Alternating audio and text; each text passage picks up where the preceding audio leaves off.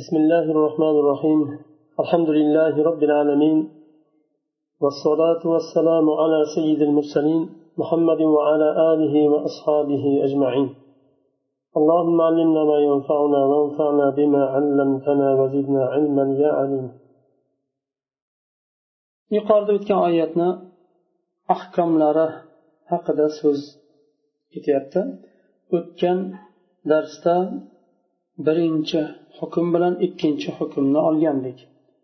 Ya'ni o'limtani faqatgina yeyishlik harom qilindimi yoyinki umum intifa foydalanish harom qilindimi degan birinchi hukm va ikkinchisi e, baliq va chigirtkani o'lgani harommi yo halolmi? Buni hukmini o'tgan edik. Bugun uchinchi hukm ma hiya zakatul janin ba'da zabhi ummihi. Bir qo'y yo sigir yo tuya har qanday nimani so'yganda bolasi ichidan o'lik chiqsa bolasi bor ekanini bilmadi yoyinki bildi shuni so'yishga to'g'ri kelib qoldi.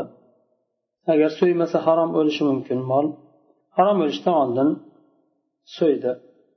Agar molni nimasida kasallik yomon yuqumli kasallik bo'lmasa albatta ichida bolasi tirik chiqdi yo o'lik chiqdi bu holda nima qiladi اختلف العلماء في الجنين الذي ذبحت أمه وخرج ميتا هل يؤكل أم لا molni so'ygandan keyin jonliqni so'ygandan keyin bolasi o'lik chiqqan bo'lsa uni yeyishlik halolmi yo harommi buni hukmida olimlar ixtiloflashdi ذهب أبو حنيفة إلى أنه لا يؤكل إلا أن يخرج حيا فيذبح لأنه ميت وقد قال الله تعالى إنما حرم عليكم الميتة أبو حنيفة رحمه الله aytdilar onani qornidan onasi so'yilgandan keyin qornidan o'lik chiqqan bolasi yeyilmaydi dedilar. Sababi u tirik chiqishi kerak va so'yilib undan keyin yeyilishi kerak aslida. Qornidan onani qornidan o'lik chiqqan narsa u o'limta hisoblanadi dedilar u kishi. Alloh taolo sizlarga o'limtani harom qildi degan oyatni dalil qildilar. Onani qornidan chiqqan bola ona so'yilgandan keyin shar'iy so'yilgandan keyin qornidan bolasi o'lib chiqsa buni abu hanifa rahimaulloh o'limta dedilar وذهب الشافعي وأبو يوسف ومحمد إلى أنه يؤكل لأنه مزكى بزكاة أمه واستدلوا بحديث زكاة الجنين زكاة أمه imom shofiiy rahimalloh va imom abu yusuf va muhammad. Imom abu yusuf va imom muhammad alloh yarhamuhum ular abu hanifa rahimaullohni shogirdlari. Hanafiy mazhabidan bu imomlar aytdilarki yeyiladi. Onasi agar shar'iy so'yilgan bo'lsa bolasi qornidan o'lgan holda chiqsa bu halol hisoblanadi yeyiladi. Nima uchun? Chunki hadisni nima qilishdi? Dalil qilishdi. Zakatul janin zakatul janin zakat ummihi zakat shar'iy yo'l bilan halol so'yishlikni aytiladi. Zakat deb shar'iy yo'l bilan halol so'yishlikni aytiladi. Bolani halol bo'lishi onani halol bo'lishi bilan bo'ladi degan mazmundagi hadisni zikr qildilar. Onasi halol so'yildimi? Shar'iy so'yishlikda so'yildi. Demak bolasi shunga ergashadi. Chunki hali onani qornidan chiqmadi onadan bir juz hisoblanadi u. Onasi so'yilishi bilan onasi shar'iy halol yo'l bilan so'yilishi bolasini ham shar'iy halol yo'l bilan so'yilishiga dalolat qiladi. وقال مالك رحمه الله إن تم خلقه ونبت شعره أكل أكل إلا فلا imom molik rahimalloh aytadilar agar bola onani qornidagi bola xalqqa to'la bo'lgan bo'lsa ya'ni to'la yaratilingan bo'lsa va yunlari chiqqan bo'lsa o'lik chiqqan bo'lsa ham yesa bo'ladi yeyiladi agar xalqi ya'ni yaratilinishi to'la bo'lmagan bo'lsa hali hali ulgurmagan bo'lsa uch oylik to'rt oylik masalan va sochlari chiqqan chiqmagan bo'lsa yunlari yeyilmaydi قال القرطبي إن الجنين إذا خرج بعد الذبح ميتا يؤكل لأنه جرى مجرى العضو من أعضائها إمام قرطبي رحمه الله aytadilar agar janin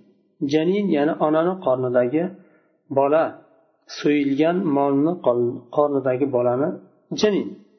Janin onasi so'yilgandan keyin o'lgan holda chiqsa uni janinni ham go'shti halol yeyiladi. Nima uchun? Chunki janin onadan bir a'zo hisoblanadi. Chunki onani ichida onadan ajralib hali alohida o'zi chiqqani yo'q. Onani ichida turibdimi? Demak onani a'zolaridan bitta a'zo o'rnida hisoblanadi وقال من ينتصر لأبي حنيفة إن الحديث يحتمل معنى آخر هو أن ذكاة الجنين كذكاة أمه على حد قول القائل قولي قولك ومذهبي مذهبك أي قولك ومذهبك. كقولك وكمذهبك وعلى حد قول الشاعر فعيناك عيناها. وجيدك جيدها سوى أن عظم الساق منك دقيق imom abu hanifa rahimallohga yordam bergan ya'ni u kishini u kishi bilan tarafdor bo'lganlar aytdilarki hadis yuqorida o'tgan zakatul janin zakatu ummihi degan hadis boshqa ma'noni bildirishi ham ehtimoli bor deyishdi. Ya'ni zakatul janini ka zakat ummihi degan ma'noda ham bo'lishi mumkin. Ya'ni janinni halol bo'lishligi halol shar'iy so'yilishligi onasini shar'iy so'yilishligiga o'xshaydi degan bo'lishi mumkin. Masalan qovli qovluk deganga o'xshagan. meni so'zim sizni so'ziz deganda meni so'zim sizni so'ziz kabi degan ma'noni bildiradi. Va mazhabi mazhabuk ya'ni mazhabi ka mazhabik ka qavliki ka qavlika va ka mazhabika deganga o'xshaydi. Yo shoirni so'zini bu yerda misol keltirilyapti. Aynaki aynaha. Seni ikkala ko'zing uni ikkala ko'ziga o'xshaydi. Va jiduki jiduha. Jid deb haligi bo'ynini aytadi. Seni bo'yning uni bo'yniga o'xshaydi. Lekin soq hali boldirni aytadi. Boldirni suyaklari senda ingichkaroq deb sifatlayapti. Bu yerda shohid nima? Aynaki aynaha. Jiduki jiduha. Lekin bular nima? Zaif. Bu so'z bu qovul zaif. Zakatul janini zakat ummihi ya'ni bu ochiq dalil bu. Zakatul janin zakat ummi. Janin onani qornidagi bola. Uni halol shar'iy bo'lishligi onani halol shar'iy holda so'yilishligidir. Ona shar'iy so'yilsa tamom bolasi ham shunga ergashadi degan mazmunda aslida. imom shofiyni mazhabi bu yerda zohirroq ochiqroq va quvvatliroq hamda ma'no jihatdan ham dalil jihatdan ham لأنه يعتبر كجزء من أجزاء الحيوان المذبوح والله أعلم شنك جنين سويل جن حيوان بل جزء صبرنا الحكم الرابع هل يباح الانتفاع بالميتة في غير الأكل. yeyishdan boshqa narsada o'limtadan foydalanishlik mumkinmi ذهب عطاء إلى أنه يجوز الانتفاع بشحم الميتة وجلدها كطلاء السفن سفن آه، ودبغ الجلود. وحجته أن الآية إنما هي في تحريم الأكل خاصة. ويدل عليه قوله تعالى قل لا أجد فيما أوحي إلي محرما على طاعم يطعمه أطاع roziyallohu anhu aytdilar o'limtani yog'idan va terisidan foydalansa bo'ladi masalan nimalarni e, kemalarni ipiga o'xshagan yo kemalardagi masalan yoqilg'ilarga o'xshagan narsalarda foydalansa bo'ladi va bunda hujjat oyatni keltirdi u kishi قل لا أجد فيما أوحي إلي محرما ayting ey muhammad alayhissalom menga vahiy qilingan narsada yeyuvchi kishiga harom qilingan narsani topmadim magar deb u yog'i yana oyat davom etadi bu yerda yeyuvchi deyilyapti ala taimin yeyishlikni zikr qilinyapti bu yerda yeyishlik harom qilindi undan foydalanishlik emas shuning uchun ba'zi narsalarda foydalansa bo'ladi وذهب الجمهور إلى تحريمه واستدلوا بالآية الكريمة حرمت عليكم الميتة أي الانتفاع بها بأكل أو غيره فجعلوا الفعل المقدر هو الانتفاع واستدلوا كذلك بقوله عليه الصلاة والسلام لعن اليهود حرمت عليهم الشحوم فجملوها فباعوها وأكلوا أثمانها فهذا الحديث يدل على أن الله تعالى إذا حرم شيئا حرم ثمنه. فلا يجوز البيع ولا الانتفاع بشيء من الميتة إلا ما ورد به النص كالجلد المدبوغ jumhur olimlar o'limtani ya'ni yeyishdan boshqa narsa uchun ham foydalanishlikni harom dedilar. Nafaqat yeyishlik harom har qanday foydalanishlik har qanday yo'l bilan foydalanishlik harom. Sizlarga o'limta harom qilindi deganda o'limta harom qilinarkan. Harom qilindi nima harom qilindi? Yeyishlikmi yo foydalanishlikmi deganda jumhur olimlar foydalanishlik degan narsani fe'lni taqdir qilishdi. Va yana qo'shimcha ravishda bir hadisni dalil qilishdi.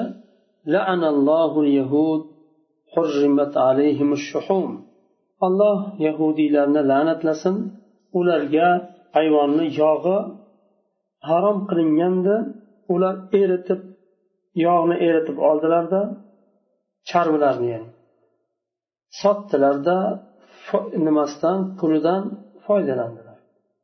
Bu hadis dalolat qiladi. Alloh taolo bir narsani harom qiladigan bo'lsa uni nimasini qiymatini ham halol qiladi e, harom qiladi. Sotib pulidan foydalanish ham harom bo'ladi. Shuning uchun sotish joiz emas. va o'limtani biror bir narsasidan foydalanishlik mumkin emas deyishdi. Magar nas bilan sodir bo'lsa shu narsa dalil bilan sobit bo'lgan bo'lsa mumkin. Masalan oshlangan teriga o'xshagan. Beshinchi hukm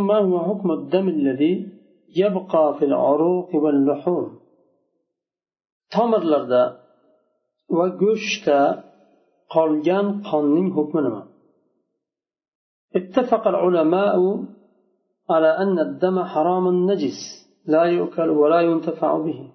وقد ذكر تعالى الدم ها هنا مطلقا وقيده في أنعام بقوله أو دما مسفوحا. وحمل العلماء المطلق على المقيد ولم يحرموا إلا ما كان مسفوحا. وورد عن عائشة رضي الله عنها أنها قالت لولا أن الله تعالى أو دما مسفوحا قال أو دما مسفوحا لتتبع الناس ما في العروق فما خالط اللحم غير محرم بإجماع. وكذلك الكبد والطحال مجمع مجمع على عدم حرمة حرمته وإن كان في الأصل دما.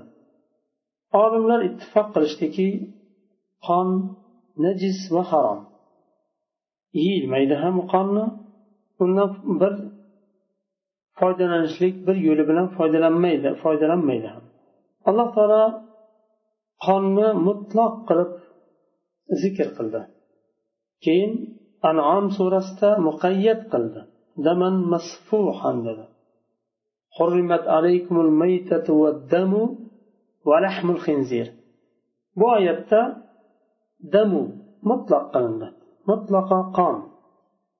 Anom surasida daman masfuhan deb muqayyat qildi. Masfuh bo'lgan otilib chachrab chiqqan qon degani masfuh. So'yganda pichoq tortganda otilib chiqadigan qonni masfuh deydi. Shu qonni muqayyat qildi.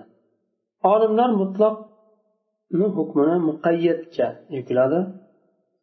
Va masfuh bo'lgan qondan boshqasini harom deyishmadi. Oysha roziyallohu anhodan rivoyat qilinadi. U kishi aytadilar agar alloh taolo daman masfuhan demaganda edi ya'ni suyganda otilib chiqilinadigan qon harom qilindi demaganda edi odamlar masfuhdan boshqa otilib chiqqandan keyin ham tomirlarda qolib ketgan qonlarni ham harom deb ergashardi shu oyatga.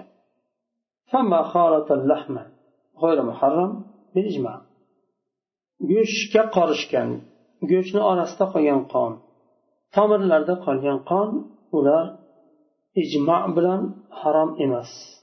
Shuningdek kabid. Jigar. Jigar asli qon uni. Tehol taloq deydi bizda. U ham qon asli. Lekin uni harom emasligiga ummat ijmo qilishgan. Ijmo qilishgan agarchi u asli qon bo'lsa ham.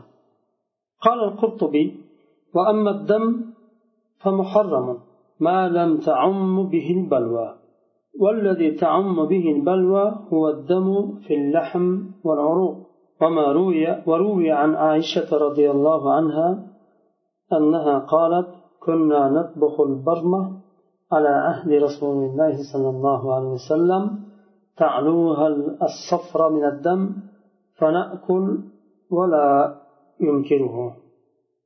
إمام قرطبي رضي الله عنه أتدلر قال أجار عموم البلوى حكم الكرمة جنشا قال حرام. عموم البلوى يعني قتلشلك اهتياد بولشلك آخر بغن نرسنه deydi. Ya'ni balo ommalashib ketgan. Ehtiyot bo'lishlik juda katta bir ummat uchun mashaqqatni keltiradigan narsani umumul balvo deydi. Go'shtdagi qonlar va e, tomirlarda qoladigan qonlar umumul balvoga kiradi. Ya'ni go'sht bilan so'ygandan keyin go'shtini parchalagandan keyin tomirlarda qolgan qonlar go'shtlarga yoyiladi. Tegadi boshqa bo'ladi. Demak najosat tekkan hisoblanadi go'shtga. Ya'ni bir haraj bir qiyinchilik tug'diradi ummatga. Shuning uchun bu narsalar dinda avf qilindi. Harom bo'lmadi ya'ni. Alhamdulillah. Oysha roziyallohu anhu aytadilar biz rasululloh sollallohu alayhi vasallamni zamonlarida qozonda go'sht pishirganimizda nimasi e, qoni sarg'ayib yuzga chiqardi suvga va yerdek shuni rasululloh alayhi vasallam buni inkor qilmasdilar. Bu hadis ochiq dalolat qiladiki go'shtda va qonda qolgan nimalar e, go'shtda va tomirlarda qolgan qonlar harom emasligiga dalolat qiladi. Shu yerda to'xtaymiz keyingi darsdan oltinchi hukmdan boshlaymiz inshaalloh. سبحانك اللهم وبحمدك أشهد أن لا إله إلا أنت أستغفرك وأتوب إليك.